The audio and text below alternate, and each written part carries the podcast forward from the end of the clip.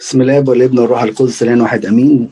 يعني زي ما تعودنا مع درس الكتاب مع الهولي فاميلي إحنا مش مش هنفسر أي آية لكن هنحاول ندي المفاهيم الواسعة اللي موجودة في الرسالة وهنحاول على قد ما نقدر نوصل لكم الفكرة بتاعت بولس الرسول وعلمنا بولس الرسول من خلال الرسالة دي.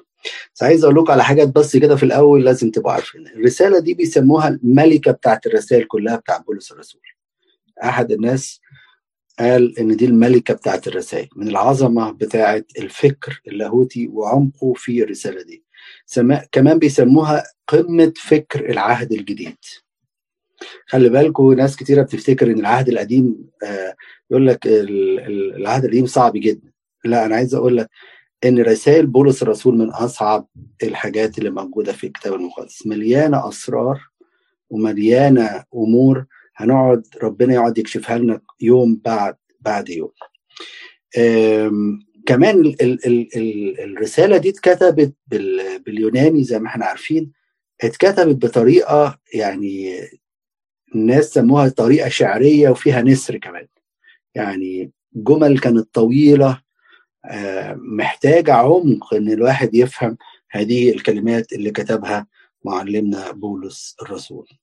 عايز أقول لكم بردك حاجة بتميز الرسالة ديت ببساطة قوي قوي عارفين لما واحد يحب يألف حاجة بيقعد كده لوحده ويقعد هادي ويقعد يكتب براحته بهدوء ما يبقاش وراه أي حاجة يقفل بابه ويقول لك فلان قاعد الفترة دي بيكتب فيها الكتاب بتاعه. بولس الرسول لما جه كتب الرسالة دي زي ما هنشوف دلوقتي كتبها وهو في السجن. ما كانش بقى عنده افتقادات ما كانش عنده سفريات. فالراجل كان يكتب بهدوء وبعمق يعني وبروقان يعني. ما وروش بقى أي حاجة تانية. كل اللي شاغله إنه يبعت الرسالة ديك للناس دول في أهل لأهل أفس. والحاجة التانية برضك إن أهل أفس ما كانش عندهم مشكلة. يعني أغلبية الرسائل بولس بيكتب من أجل مشكلة. زي مثلا في كورنثوس كان عندهم مشاكل كتيرة جدا جدا. لكن الناس دول ما كانش عندهم مشكلة فكان بيكتب بقى فكر لاهوتي غير عادي. وكمان بقى الحاجة اللي تميز برضك الرساله الصلوات العميقة اللي موجودة في الرسالة. نلاقي معلمنا بولس الرسول كل شوية بيصلي. ليه بقى؟ عشان ربنا يفتح ذهننا إن إحنا نفهم الكلام اللي كتبه لنا بالروح القدس. أول حاجة الرسالة دي موجودة فين في الكتاب المقدس؟ الرسالة دي طبعا موجودة في العهد الجديد. إحنا نلاقي إن العهد الجديد عندنا البشائر الأربعة بعد كده أعمال الرسل بعد كده رسائل بولس الرسول. 14 رسالة عبارة عن 100 إصحاح حوالي تلتين العهد الجديد. هنلاقي إن رسائل بولس الرسول ال 14 نلاقي روميا بعد كده كورنثوس الأولى وكورنثوس الثانية وبعد كده هنلاقي غلاطيا وبعد كده تيجي أفسس. ده موقعها في الكتاب المقدس. بعد كده طبعا رسائل بولس الباقية فيليبي وكولوسي وتسالونيكي الأولى والثانيه وتيموثاوس وتيتوس وفيليمون. دول 14 رسالة بتوع بولس الرسول. فبنلاقي إن رسالة أفسس بتيجي بعد رسالة غلاطيا في الكتاب المقدس. آه تاريخ الكتاب الكتابة بتاع هذه الرسالة. تعال الأول بس كده نخش في رحلة بالسنوات. أنا عارف دي أرقام بس نحاول نفهم بس بولس الرسول يعني الهيستوري بتاعه بسرعة. أول حاجة إن بولس الرسول يقال انه اتولد يعني من فترة من 5 ل 15 ميلاديا. راح يدرس الشريعة في أورشليم سنة 30 ميلاديا. طبعا زي ما عارفين إن هو اتولد في ترسوس بعد كده ربنا جذب بولس الرسول في رحلته لدمشق ده كان تقريبا سنة 35 ميلاديا بعد كده بولس الرسول بعد ما ابتدي الخدمة بتاعته قلبه بيحركه إن هو يروح يبشر للعالم كله يبشر للأمم يحس إن رسالته ديت للأمم. فيبتدي يعمل ثلاث رحلات تبشيرية. الرحلة الأولى كانت لآسيا ودي كانت تقريبا من 45 ل 49 ميلادية. بعد كده يعمل رحلة ثانية لأوروبا ودي كانت من 49 ل 52 ميلادية. والرحلة الثالثه ديت الاثنين بقى آسيا وأوروبا. خلي بالكم العالم القديم كان عبارة عن يعني الأماكن دي. ما كانش فيه الأمريكتين ما كانش فيه أستراليا والحاجات دي كلها. ويجي من الرحله بتاعته بتاعت آسيا وأوروبا برضك سنة 53 لغاية 58 بعد كده بيعتقل في أورشليم سنة 58 ميلادية أو بيتسجن يعني في أورشليم. وبعد كده آه بيروح قيصرية ويتأسر هناك. وبعد كده بيروح الرحلة لروما. ولما هيروح روما هيبقى فيه الأسر الأول بتاع بولس الرسول وده تقريبا يعني هو راح روما سنة 60 ميلاديا. الأسر الأول ده كان في روما من 61 ل 63 ل 63 ميلاديا وده زمن الكتابة بتاعة أفسس. أفسس تعتبر من رسائل السجن. بولس كتب أربع رسائل في السجن عشان نبقى عارفينهم بسطة جدا. أفسس فيليبي كلوسي وفيليمون. يبقى كتب الرسالة ديك في جو هادي. واحد قاعد جو خلوة قاعد يكتب هذه الأمور العميقة جدا. خلي بالكم صدقوني مهما تم تفسير حتى من الآباء الأولين تظل هذه الرسائل مليانة بالأسرار تفوق عقلنا تفوق عقلنا. فكتبها هو في السجن. بعد كده نلاقي بقى إنه تم إطلاق سراحه يعني 63 ميلاديا ل 67 ميلاديا وبعد كده بيتم استشهاده بقى سنة 67 ميلاديا على يد النيرون نستنتج من كده إن الرسول بولس كتب الرسالة دي في سجنه الأول في روما. يعني ناس بتقول 63 يعني هو من 61 إلى 63 ونعرف إزاي كده؟ نلاقي إن الكلمات بتاع بولس توضح إنه كان أسير. يعني يقول لهم بسبب هذا أنا بولس أسير المسيح يسوع لأجلكم أيها الأمم. فدي بتدل إن هو كان بيكتب الرسالة ديت وهو في السجن. ده كمان يقول لهم فأطلب إليكم أنا الأسير في الرب أن تسلكوا كما يحق للدعوة التي دعيتم إليها. برضك بيكرر فكرة إنه أسير. الذي لأجله أنا سفير في سلاسل. هنا برضك بيأكد فكرة ان اتكتبت هذه الرسالة في السجن بتاع لما كان في روما. زي ما قلت الجو بتاع السجن أهل بولس الرسول بقى انه يكتب بهدوء وكمان تركيزه إن كمان مفيش أي مشاكل كان مركز عليها ده خلاه يكتب بهدوء هو في السجن. رؤية بولس للكنيسة هنشوفها واضحة جدا في الرسالة دي وزي ما النهارده هركز على فكرة الكنيسة في رسائل في رسالة بولس لأهل أفس.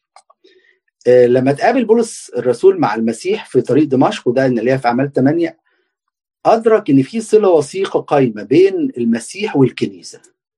فنلاقي المسيح يقول له له المجد. يقول لشاول بقى قال له إيه؟ آه لماذا تضطهدني أنا؟ أنا يسوع الذي أنت إيه؟ تضطهده. فبولس اختبر العمق بتاع كلمة الكنيسة. الاختبار بتاعه ده قاده إلى التعمق بقى في فكرة الكنيسة. لدرجة إن إحنا هنشوف زي ما هنشوف دلوقتي إنه اعتبر الكنيسة إدى إكسبريشن كده هو لاهوتي عالي جدا إنه هي جسد المسيح. واعتبر المسيح هو الرأس. ونلاقي إن التسمية طبعا دي انتشرت في الوقت ده. فيقول لنا أول اكسبريشن أو أول عبارة خطيرة جدا جدا إن الكنيسة هي جسد المسيح. وكمان يوضح إن العلاقة اللي بين المسيح والكنيسة نلاقيها استحوذت على الفكر اللاهوتي بتاع بولس الرسول. لدرجة إنه قال في في أواخر الرسالة هذا السر عظيم. أنا يعني مش قادر يعبر فبيقول هذا السر عظيم لكن أقول من نحو المسيح والكنيسة. فبيعتبروا إنه سر وعظيم ويفوق طبعا عقل الإنسان. كمان يستخدم زي ما هنشوف بردك وهركز معاكم بردك في العبارات دي يخلي الكنيسة مش بس جسد المسيح يسميها عروس المسيح. والمسيح هو العريس. يقولها كده في إفسس خمسة لكي يقدمها لنفسه كنيسة مجيدة. عروس ليه؟ كمان تعمق في العلاقة اللي بين الكنيسة والروح القدس واعتبرها مسكن له زي ما برضك هن هنتكلم في الكنيسة في فكر بولس الرسول. غرض طب الرسالة إيه؟ بولس كان أسس الكنيسة دي في رحلته التبشيرية الثانية وده طبعا نلاحظها في سفر الأعمال 18 وترك اتنين هناك أكيلا وبريسكيلا عشان يتابعوا المؤمنين.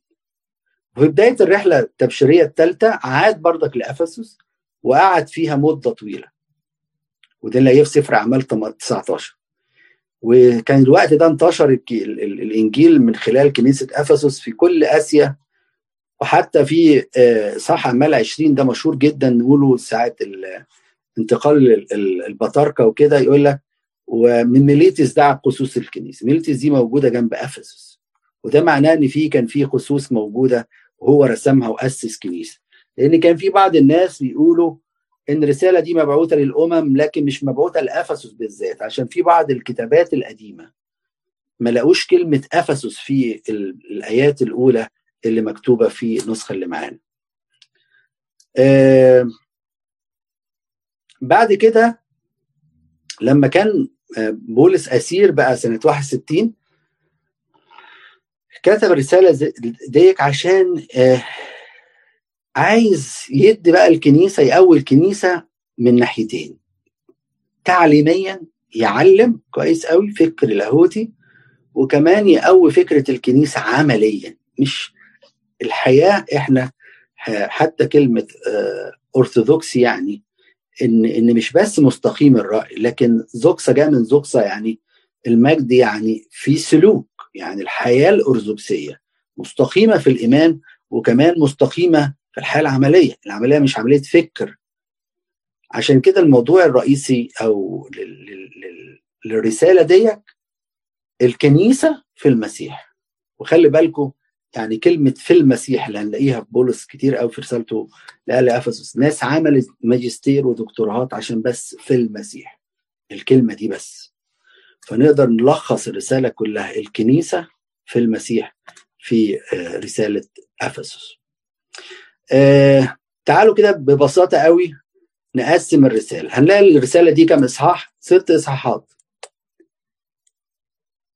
الثلاثة الأولانيين ده دول قسم تعليمي. والثلاثة التانيين بقى تطبيقي عملي. تعمل إيه؟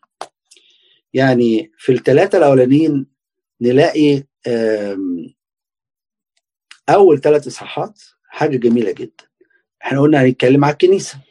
فأول ثلاث إصحاحات يقول إيه؟ الإصحاح الأولاني الكنيسة المختارة. ربنا اختار الكنيسة. وهنا يركز على آه من الآب. إحنا أي نعمة بناخدها؟ الآباء علمونا كده. من الآب بالابن من خلال الروح القدس. فنلاقي إن أول إصحاح بيركز على الكنيسة المختارة من الآب. آب اختار الكنيسة دي. ونقدر نسميها إن هو اللفظ أول لفظ قاله بولس الرسول في الإصحاح دوت على الكنيسة إن هي جسد المسيح. يبقى أول إصحاح يتكلم على الكنيسة المختارة من الآب الكنيسة جسد المسيح. في الإصحاح الثاني ده في الجزء التعليمي برضه خلي بالكم أنا عارف الكلام مش هيبقى وعظ روحي أكتر منه أكاديمي في بعض الأمور بس نحاول ببساطة نقدر نفهمها يعني على قد ما نقدر. نلاقي إن في الإصحاح الثاني الكنيسة الأولاني كان المختارة الثاني بقى الكنيسة المصالحة.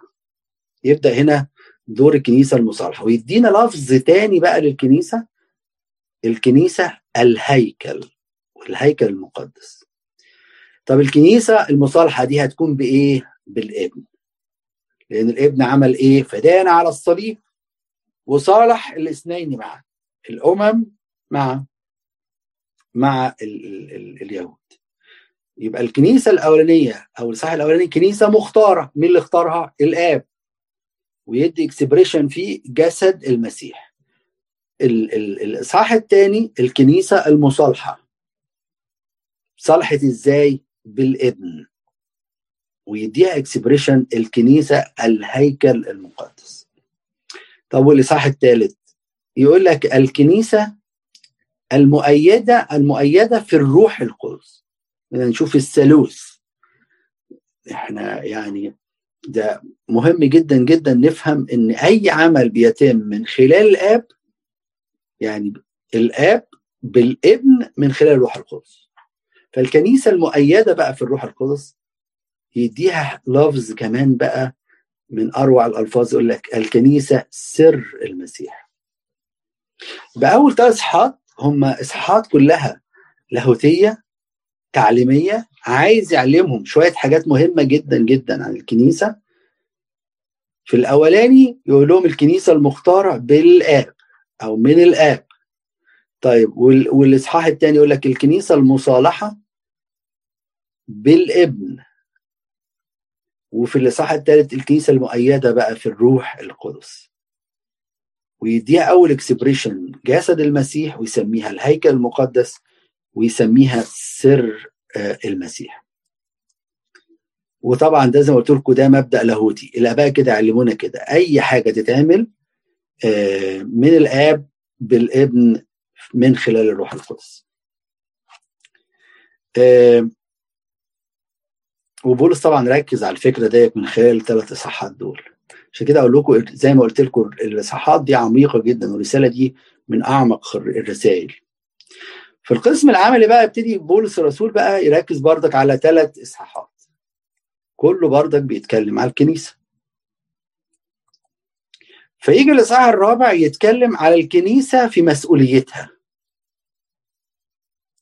ويدي اكسبريشن إن الكنيسة واحدة. خلي بالكم برضك في حاجة مهمة قوي قوي لازم تبقوا فاهمينها. في ال في ال في التعبيرات اللاهوتية. ما بقولش آه يعني مثلا في كنايس دلوقتي آه مختلفة وكده ما بقولش انقسام حصل في الكنيسة. ما بنقولش كلمة انقسام دي لأن جسد المسيح واحد ما ينفعش يتقسم. لكن بنسميها انشقاق اسكيزم بالإنجليزي. لكن ما بسميهاش آه، آه، انقسام.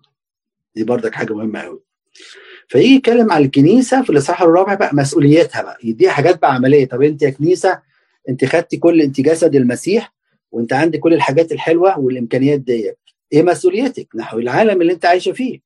فيتكلم على مسؤولية الكنيسة. ويقول لها خلي بالك أنت كنيسة واحدة. عشان كده إحنا في القداس مش بنقول إن إحنا ان كنيستنا واحدة وحيدة لا إحنا بنتكلم على الصلوات ديك والأمور دي كانت من بداية قبل ما يحصل انشقاق تماما. إحنا بنتكلم على الكنيسة اللي اسسها المسيح عشان الناس تقول لك الله أنتوا يا عم متطرفين ومتعصبين بتصلوا بس لكنيستكم لا ما كانش موجود ساعتها لا طوائف ولا أي حاجة. فبنقول كنيسة واحدة لأن المسيح عمل كنيسة واحدة. جامعة يعني كل كل كل الناس. يونيفرسال حتى في القبطي أو في الإنجليزي نسميها كاثوليك يعني.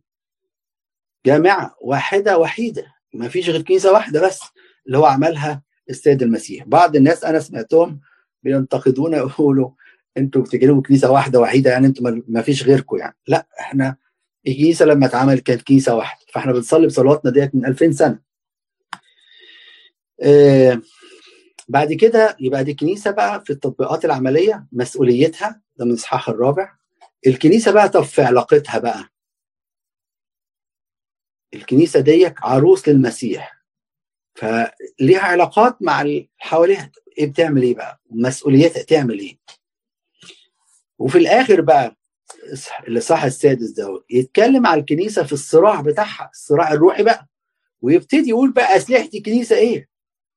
أسلحة الكنيسة الروحية اللي إحنا نستخدمها في الصراع الروحي بتاعنا. فبيدي في الثلاث إصحاحات التانيين من اصحاح أربعة وخمسة وستة يبتدي يتكلم عن الكنيسة ومسؤوليتها وازاي إن هي كنيسة واحدة وك... والاصحاح الثاني يتكلم عن الكنيسة في علاقاتها ويديها لقب أو عروس المسيح ويتكلم في الاصحاح الثالث عن الكنيسة في الصراع بتاعها وده نلاقيه في إصحاح ستة.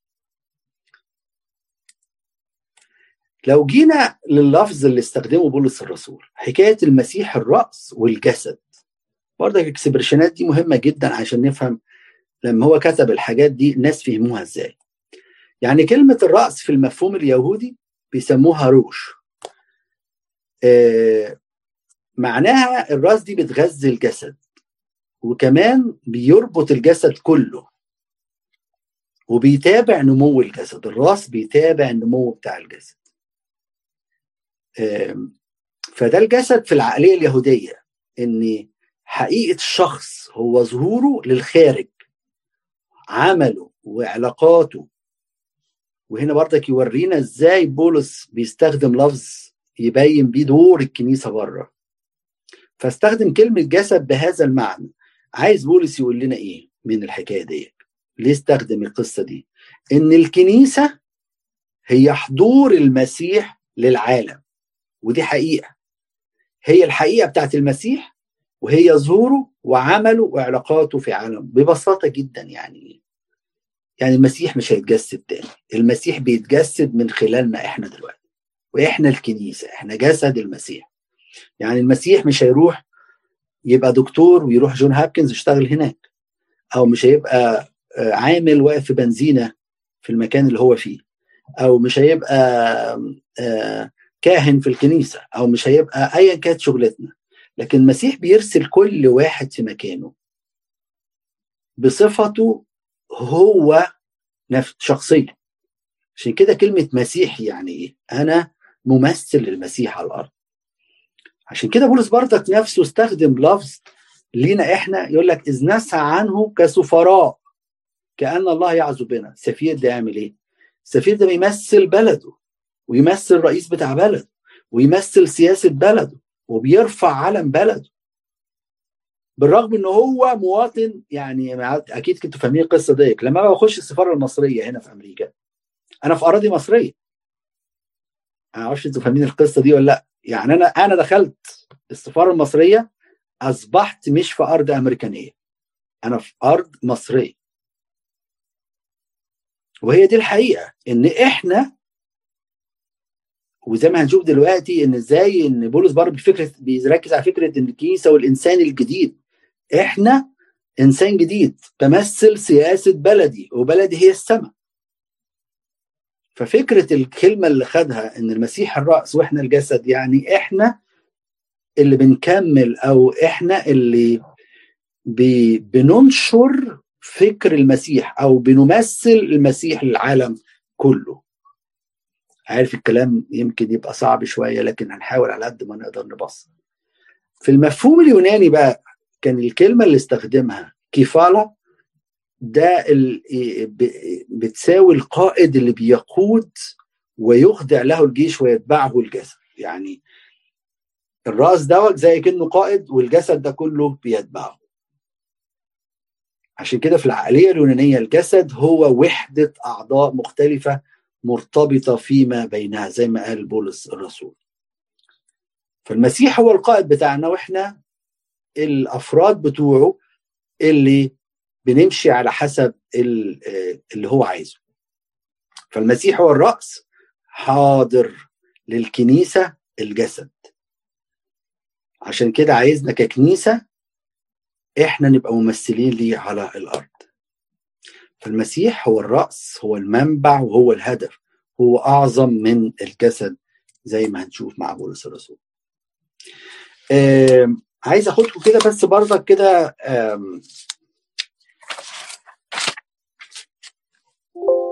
في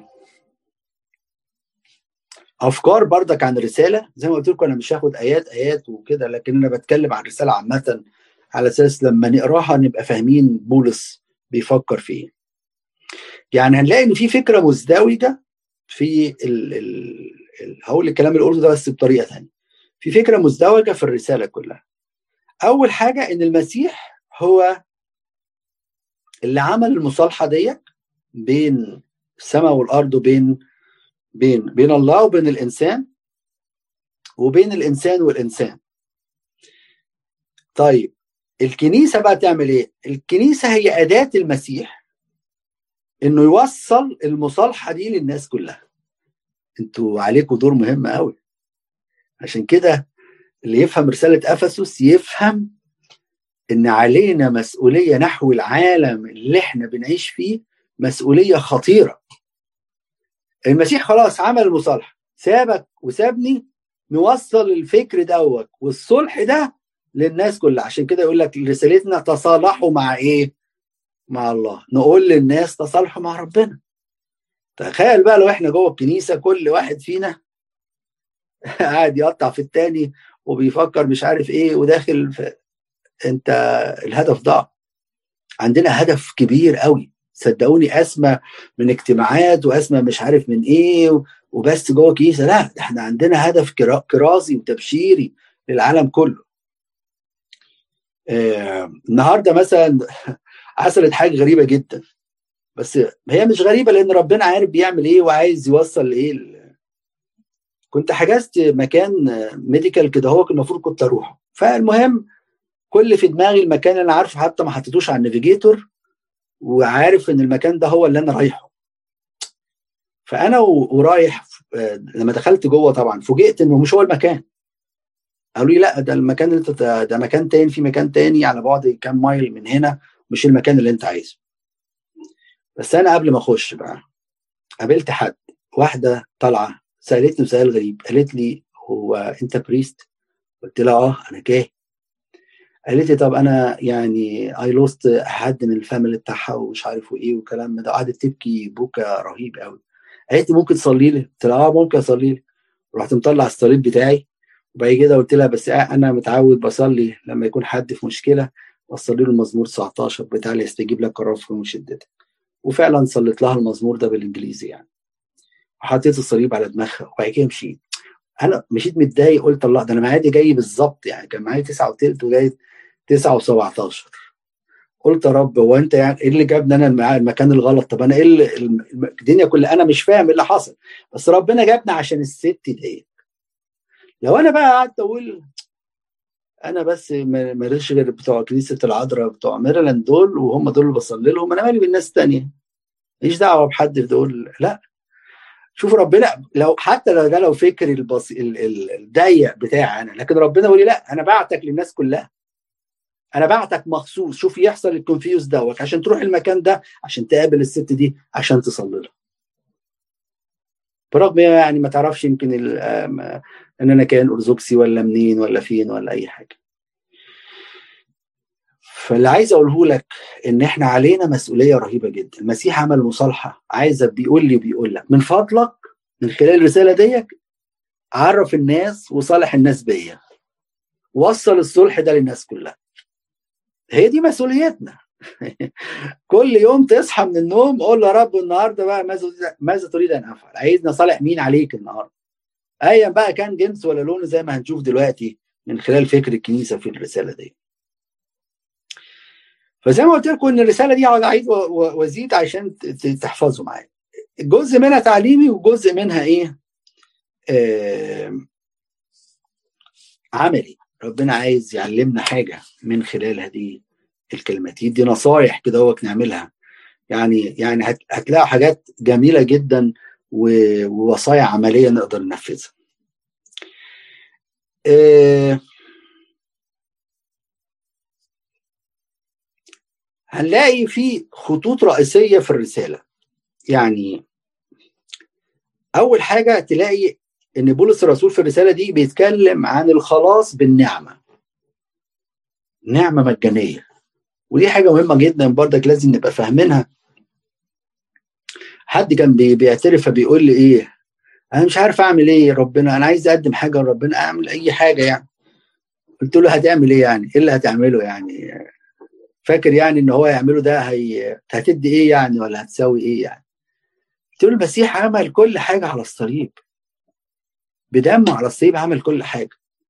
ده معناه إن إحنا ما عندناش إن إحنا ما نعملش أعمال حسنة. لا طبعا لكي يروا أعمالكم الحسنة. ما هو عايزنا نعمل أعمال حسنة طبعا. لكن مش بالأعمال بتاعنا ديك هيبقى خلصنا يعني بدون دم المسيح مهما عمل الإنسان هيعمل إيه يعني؟ لكن من خلال القبول لدم المسيح هيبقى سلوكي سلوك مسيحي.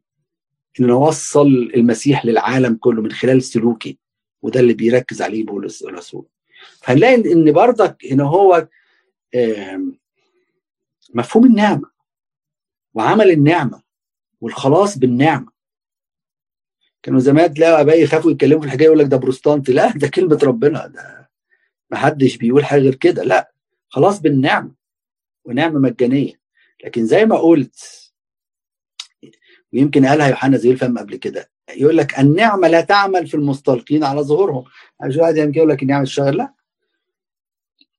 عشان الواحد الواحد يستفيد بالنعمة دي.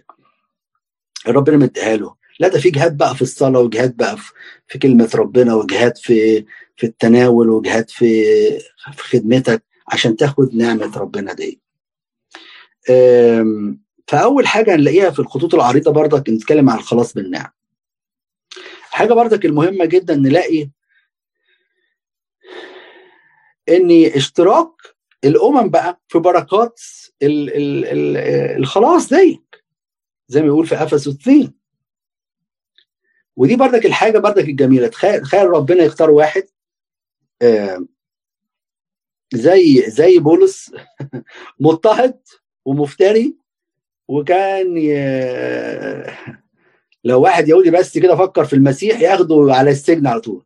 تخيلوا بقى المتطرف ده هو اللي بيبشر الأمم. وهو اللي بيتكلم على بركات الخلاص للأمم دول. حاجة حاجة غريبة. لكن ده عمل ربنا. كمان الخطوط العريضة هنلاقي بقى بولس الرسول زي ما قلت لكم يتكلم عن الواجبات الواجبات المتبادلة اللي بين الراجل والست. يعملوا إيه؟ الاباء مع عيالهم الاسياد مع العبيد. ويدينا بقى إحنا يعني يعني دروس عملية. وده طبعا إن في إن البولس اللي بيتقري في في الإكليل هو رسالة بولس الرسول لأهل أفسس. وإزاي يوري العلاقة اللي بين الراجل والست والواجبات المتبادلة اللي بينهم وبين بعض. فده برضه خط من الخطوط العريضة اللي بنشوفها في الرسالة دي. خط مهم جدا جدا وأساسي هنلاقيه ده في إصحاح ستة إزاي نحارب إبليس؟ كتير قوي مننا يقول طب أنا أعمل إيه في الحرب الروحية؟ ده بولس بقى بيقول لك أسرار الحرب الروحية. بولس بيديك أسلحة الحرب الروحية وده اللي هنشوفه في الإصحاح السادس. تعال نشوف كده ونركز على فكرة الكنيسة في الرسالة بتاعت أفسس. أول حاجة زي ما قلت لكم يقول عن الكنيسة إن هي جسد المسيح. ودي حقيقة أساسية. وده مش مجرد اصطلاح كنسي ده ده ده لاهوت خلاصي. بولس الرسول بيتكلم فيه. فبيتكلم إن الكنيسة هي جسد المسيح. ويمكن ده زي ما قلت لكم اللي بيميز رسالة أفسس. هذا الاصطلاح اللي قالوا عليه. وإياه جعل راسا فوق كل شيء للكنيسة التي هي جسده. زي ما بقول لكم يعني أنا متخيل بولس الرسول لو في شاي ساعتها كان بيشرب شاي كده وهادي وقاعد يكتب بقى الكلام والتأملات بتاعته بدون أي شوشرة حواليه ولا اضطرابات ولا قلق في هو كان قاعد في, في السجن. يقول كده لأننا أعضاء جسده أو أعضاء جسمه من لحمه ومن عظامه. الكلمة دي اتقالت عن مين في العهد القديم؟ لو تفتكروا عن مين؟ آدم. آدم قالها. آدم قال كده هو دي لحم من لحمي وعظم من عظامي نفس الاكسبريشن بولس بيتكلموا عن المسيح والكنيسة. بصوا العظمة بتاعت ال ال ال الحاجات اللي بيقولها بولس الرسول. لأننا أعضاء جسمه من لحمه وعظامه. وطبعا السيد المسيح أتم فدائه بالإيه؟ بالجسد بتاعه بجسد ففي الكنيسة إحنا لما نروح الكنيسة أو من خلالنا مع بعض ك كمؤمنين مع بعض كنيسة واحدة نبقى متحدين مع المسيح.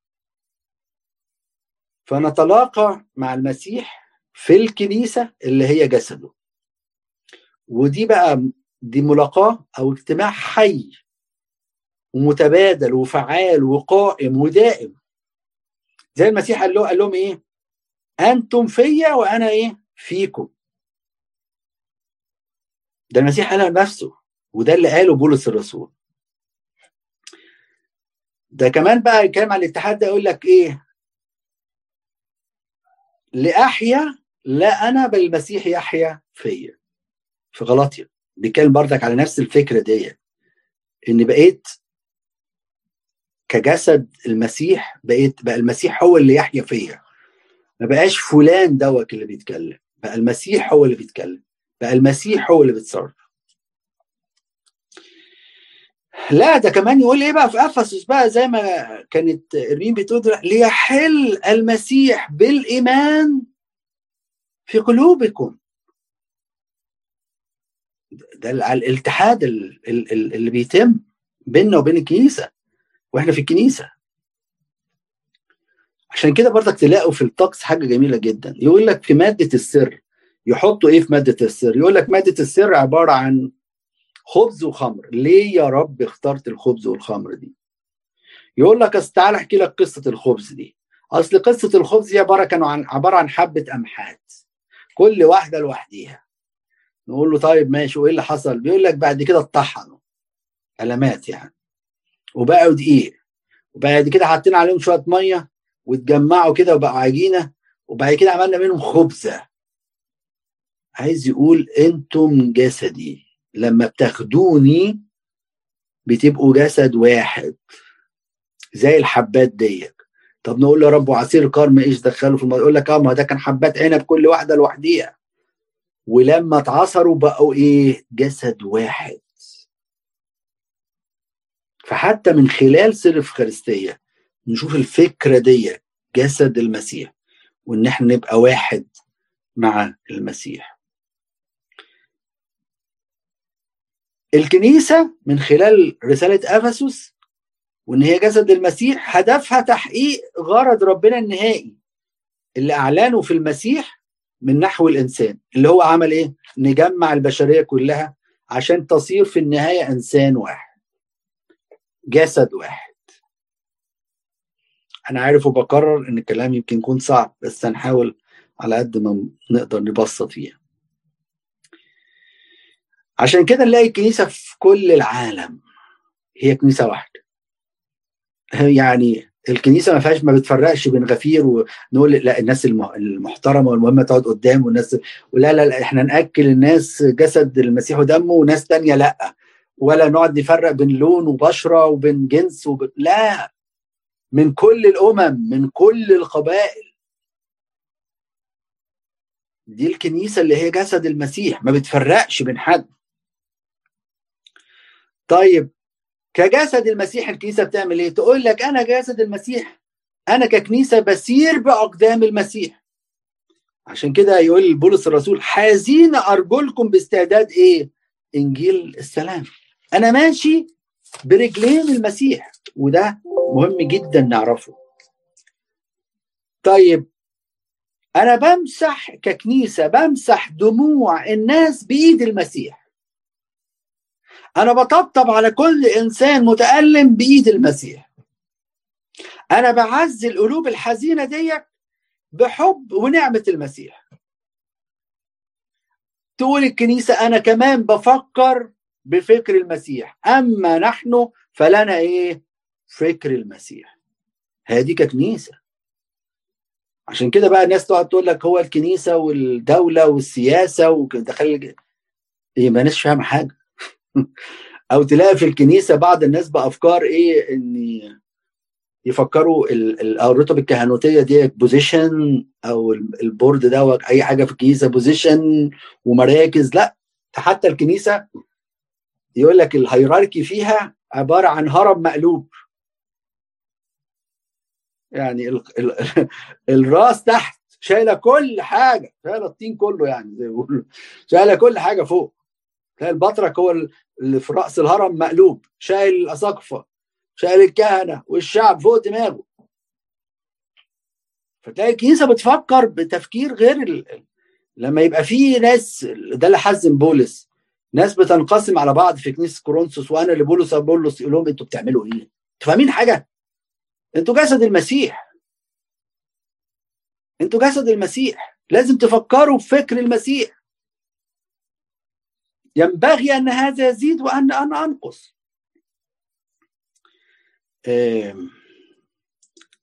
ده كمان الكنيسة لما تتكلم وتقطع بسلطان سلطان المسيح اللي اداهولها من غفرتم لهم خطايا غفرت لهم ومن أمسكتموه عليه امسك الكنيسة دي جسد المسيح ده الفكر بتاع الكنيسة. ولغاية دلوقتي الكنيسة بتسعى وتجاهد عشان تحضر كل إنسان المسيح. أرجوكم افهموا الحكاية دي. ده هدف الكنيسة. عشان كده لما بعض المجتمعات للأسف القبطيه عندنا ناس بتتهمها يقول لك أنتوا مش بترحبوا بالناس. دي مصيبة. دي مصيبة. وبعد كده بقت فكرة إيه؟ أصل دي كنيسه English speaker من A to Z ودي English Arabic مختلط فمش مش عارف تعمل إيه. إيه ده؟ مفيش حاجة كده خالص. كنيسة كنيسة. للكل. للكل. مفتوحة للكل. واحضانها مفتوحة للكل. فإحنا نجاهد إن إحنا نجيب كل إنسان للمسيح. عشان كده يقول الكنيسة اللي هي جسده ملء. النقطة الثانية بقى. الذي يملأ الكل في الكل. ولما يتكلم على شكل الكنيسة في المنظور الإلهي يسميها هيكل الله ومسكن الله بالروح. يسميها جسد المسيح ويسميها هيكل الله في أفسس 2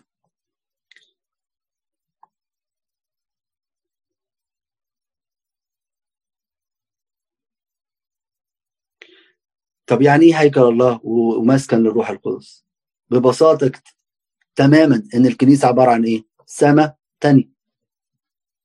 عشان كده خلي بالكم لما نخش الكنيسة أول ما نخش نلاقي ايقونات ونقول الله وإحنا فين؟ إحنا في السماء والارض العذراء موجودة. أوعى تفتكروا إن العذراء مش موجودة؟ لا موجودة. ولا القديسين الله ملائكه وأنا في السماء على الأرض. ده كمان أبونا يعمل حركات طقسية.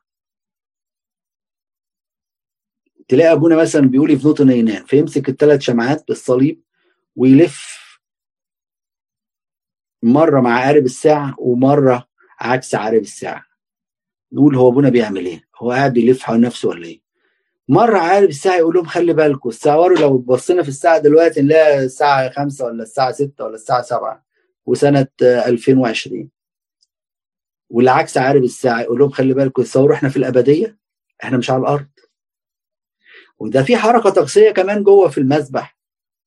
لما يقولوا هكذا كأس أيضا فيجي يمسك على حافة الكاس كده يوديها مرة مع عارب الساعة ومرة عكس عارب الساعة ونقول له يا أبونا انت بتعمل إيه؟ يقول لك أنا أنا عايز أقول للناس إحنا في الزمن حقيقي لكن بعد ما دخلنا الكنيسة بقينا فوق الزمن ابديه إحنا في السماء إحنا في السماء واللي بيحصل في الكنيسة إيه؟ الشعب بياخد المسيح اللي على المسبح فلما ياخد المسيح على المسبح المسيح اللي على المسبح ياخده الحضن الايه؟ الاب إيه الروعة بتاعت الكنيسة دي؟ وايه الروعة بتاعت الفكر اللي بيقوله بولس الرسول؟ دي كنيسة كلمة هيكل الله قال لك إن بقت سما تانية خلاص. كل مرة اوعى تنسوا حياتكم. مفيش واحد داخل بكوباية بيشرب لي جوه الكنيسة يقول لك إحنا بس دي مش مدشنة ولا مش. أنت دخلت مكان العبادة مكان السما. لا هي أكل ولا شرب جوه ولا الكلام ده كله. تصدقوني ساعات إحنا بنتجاسر وبعترف لكم إحنا ككهنة. إحنا نتكلم جوه الكنيسة المفروض ما نتكلمش خالص. لا خير القداس ولا واحد يتكلم في التليفون في الكنيسة. ما ينفعش. ما ينفعش. أنت في السماء قدام عرش الله. كمان بقى في الكنيسة برضك يركز عليه البولس الرسول إن فكرة الكنيسة كجسد المسيح إن هي الإنسان بقى الجديد. يستخدم اللفظ ده والرسول يقول إيه؟ لكي يخلق الاثنين في نفسه إنسانا واحدا جديدا في افس اثنين. ويستخدم اللفظ ده الفاظ دي أول مرة تستخدم. إنسان جديد يقول كده برضك في افسس اربعه يشرح لنا إيه حكاية الانسان الجديد يقول لك أن تخلعوا من جهة التصرف السابق الإنسان العتيق. اللي هو ما قبل المعمودية يعني الإنسان الفاسد. الفاسد بحسب شهوات الغرور وتتجددوا بروح ذهنكم وتلبسوا الإنسان الجديد المخلوق بحسب الله في البر وقداسه الحق. وإحنا بناخد الحاجات دي إزاي؟ من خلال الكنيسة في المعمودية. ابونا يجي الست تيجي عند الشمال كده عند ابونا يقول لها فلان ده اسمه إيه؟ تقول له اسمه فلان يقول لها هنموتهولك. هنغير لك اسمه وهنديكي واحد جديد بس مش هيبقى ابنك. ده هيبقى ابنه هو. ونروح واخدين الواد دفنينه. ثلاث مرات يدفن إشارة لدفنه ثلاث أيام مع مع المسيح ونروح مقومينه مرة واحدة.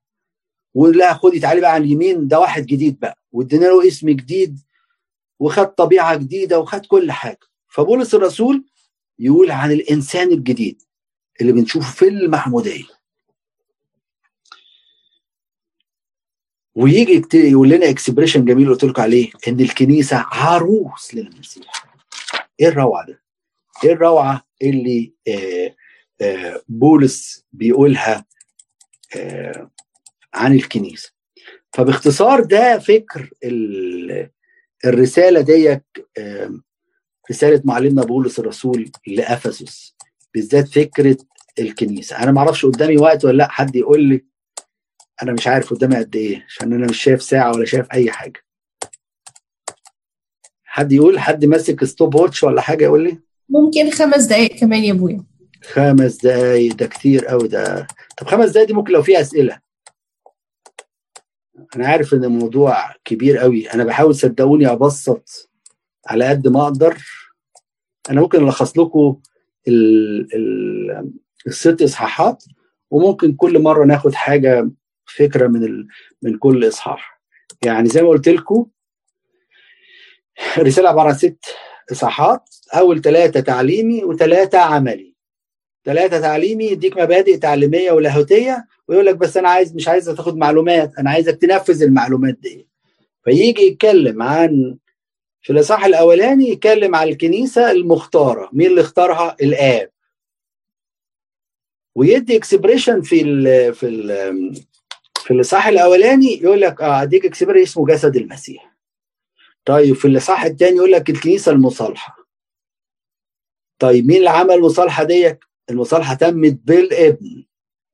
طيب يدي expression إن هو ان الكنيسة هيكل مقدس. يعني هيكل مقدس بقت سما ثانية في ال... في الإصحاح الثالث يتكلم بقى عن الكنيسة المؤيدة في الروح القدس. ويدي expression الكنيسة سر المسيح. فعايز يقول ان من الابن اختار الكنيسة وتمت المصالحة آه sorry من الآب اختار الكنيسة. بالابن تمت المصالحة والكنيسة مؤيدة بالروح القدس. يبقى هنا سر الثالوث الآب والابن والروح القدس. وقلنا الثلاث أصحاب تانيين تعليمية. يتكلم في أول واحدة فيها الكنيسة ومسؤوليتها. ما هو الكنيسة ليها مسؤولية. وفي الإصحاح الثاني يتكلم على الكنيسة وعلاقتها وفي الثالث في الأخير يعني يتكلم على الكنيسة في الصراع بتاعها الروحي ضد مملكة إبليس ومملكة الشر. فلو حد عنده سؤال وبرضك إن شاء الله هناخد المرات الجاية نخش شوية في في الإصحاحات لكن هيبقى برضك طريقة لايت شوية مش مش إيه إيه يعني. أبونا في سؤال في الإصحاح الثالث آية 3 بيقول إنه بإعلان عرفني بالسر كما سبقت فكتبت بالإيجاز. كلمة بإعلان يعني معناها إنه شاف رؤية مثلا أو لا أنا عايز أقول لكم على حاجة. إحنا في في مثل مش صح مش صح كده. هو اتعلمناه في مصر. يقول لك ربنا عرفوه بالإيه؟ بالعقل. لا طبعا عقل مين اللي يدرك ربنا ده؟ لكن إحنا عرفنا ربنا عن طريق إعلان. ربنا أعلن لينا عن نفسه. يعني يقول لك المسيحيين ألفوا الثالوث لا المسيح لما جه أعلن لينا إن في آب وفي ابن وفي روح قدس. بس وهنا هو الله أعلن لبولس. آه يعني دي حاجة خاصة ببولس خاصة بيها. أيوه خاصة بيها وبيعلنها لنا إحنا بقى بيقول لنا السر دوت. السر اللي هو إن الأمم دخلوا. وحصل مصالحة بين الأمم وبين اليهود. وإن الأمم بقت تاخد بركات. واخد بالك؟ Yeah. فإعلان لكن العقل هكذا عرفوه بالعقل. لا ده ربنا أعلن نفسه كده بالطريقة دي. وأعلن لبولس عن صر... عن الأسرار في الرسالة دي أعلنها له بالطريقة دي اللي هو بيقولها. إن خلي بالك خلي بالك إن إن ال- الكتاب موحى به من الله. مهم. وهنا الوحي طبعا خلي بالكم عشان الحتة دي قاعدين نتكلموا فيها الأيام اللي فاتت دي. الوحي هنا بمعناه في ال- ال- المفهوم المسيحي ان إن الله بيقود الكاتب بطريقته وبأسلوبه بس بيمنعه من الخطأ. واخدين بالكم؟ فربنا أعلن لبولس وبولس كتب لنا الحاجات دي مسوق بالروح القدس وأعلن الأسرار دي. You يا بونا. حد عنده سؤال تاني؟ هو يا بونا إحنا عندنا أسئلة كتير جدا بس إحنا اولموست قربنا نخلص الوقت. فاحنا عايزين نقول سؤال آه، أو أنا عندي سؤال هقوله لقدسك حتى لو هنفكر فيه ونجاوبه المرة اللي جاية. آه، في إصحاح أربعة كان بيتكلم وبيقول آه، في آية 11 وهو أعطى البعض أن يكونوا رسلا والبعض أنبياء والبعض مبشرين والبعض رعاة ومعلمين لأجل تكميل القديسين لعمل الخدمة لبنيان جسد السيد جسد المسيح. فأنا كنت عايزة أفهم ال- المعنى المطلوب أو المعنى المفروض من أنبياء ومبشرين ورعاة ومعلمين خصوصا في العهد اللي إحنا فيه دلوقتي. ما إحناش في عهد الرسل زمان نقدر إن في رسل ومبشرين وهكذا لكن إحنا دلوقتي في عهد مختلف. بعد مرور آه، 20 سنة. بالمناسبة دي مرة قابلت واحد ف كان آه، من حوالي 3 4 سنين ولا حاجة. ف... فبيقول لي قاعد يتكلم معايا أنت مين وأنا مين وبتاع فقال لي أنا أنا prophet نبي. ف... فطبعا دي كانت فعلا ranks كانت موجودة في في بداية ال- الرسل. بس خلي بالكم يعني هناخد ال expression ديت ونشرحها عشان الناس تبقى فاهمة. ال- ال- التنبؤ هنا هو مش مجرد إن واحد بيقول حاجات هتحصل. التنبؤ ده ممكن يكون واعظ بيوعظ. واخدين بالكم؟ وبولس اتكلم عن الحاجات دي هو كان الفكرة منها إن كل واحد ربنا هيديله موهبة في جسد المسيح يستخدمها علشان آه، يقدر ينشر بيها فكرة المصالحة ويجيب ناس للمسيح ويعرفهم بالصلح اللي تم بين الله وبين الإنسان. ببساطة جدا يعني. فكل واحد ليه يعني تلاقي بولس ذكرها في في في رسائل تانية آه، واحد اداله تدبير واحد اداله مش عارف إيه. كل واحد بيديله موهبة معينة يستخدمها في مجد المسيح وان يجيب ناس للمسيح.